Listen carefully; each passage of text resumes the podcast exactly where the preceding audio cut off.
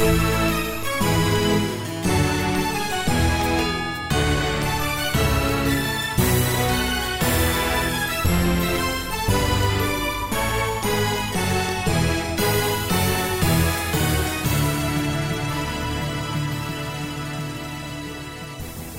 guys, kembali lagi bersama aku Piong. Tema kali ini membahas tentang pemuja rahasia. wow, hmm, pemuja rahasia. Nah, aku pernah sih terlibat di dua sisi ini, sebagai yang disukai dan sebagai yang menyukai. Biar sombong amat. Ya, jadi gini ya, pemuja rahasia itu bisa kita lihat dari dua sisi. Sisi pertama adalah kita yang mengagumi seseorang, dan sisi kedua yaitu seseorang yang mengagumi diri kita. Ayo loh. Jadi aku bahas dulu sisi yang pertama ya. Jadi kita yang mengagumi seseorang. Ya.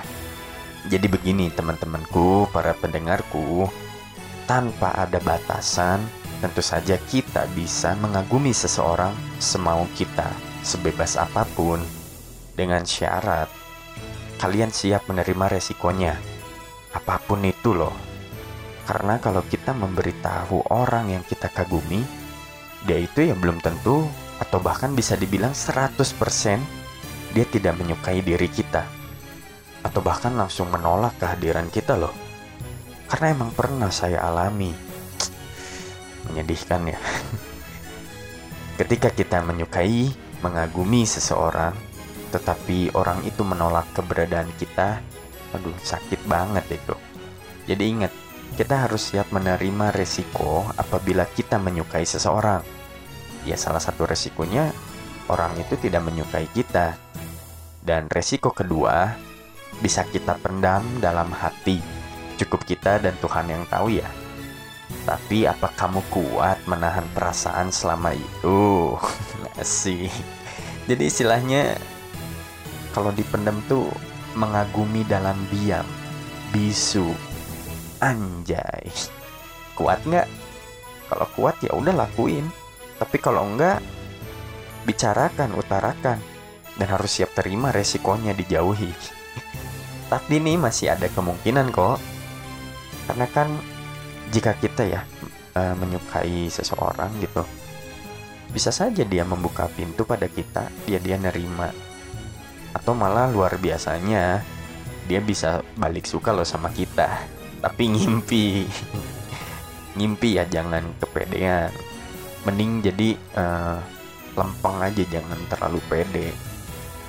Jadi untung-untungan aja kalau emang orang yang kita suka balik suka ke kita gitu. Um, karena emang gak ada yang gak mungkin ya di dunia ini. Usaha aja dulu hasilnya ya belakangan jadi intinya dari sisi pertama ini ketika kita mengagumi seseorang kita bisa mengutarakan berbicara padanya dan siap menerima resikonya. Atau bisa juga di disimpan di dalam hati ya kalau kuat terima aja resikonya juga.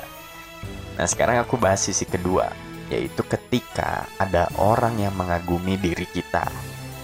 Ya sebenarnya sama aja kayak sisi pertama, cuma situasi posisinya dibalik. Sama-sama bisa menyakitkan, sama-sama bisa membahagiakan. Tergantung dari cara kita menyikapinya. Intinya sih ya, kalau ada orang yang menyukai kita dan kita mau menolak, um, ya bilang aja tapi jangan sampai membuat hati orang itu tersakiti ya sebisa mungkin beri pengertian ucapan yang baik dan benar gitu karena nanti dia juga pasti akan mengerti. Cuman butuh waktu jadi kitanya harus sabar juga ya. Pokoknya jangan sampai menyakiti seseorang. Dah gitu aja. Jadi cukup sekian ya tema tentang pemuja rahasia ini. Sampai jumpa di tema selanjutnya. Dadah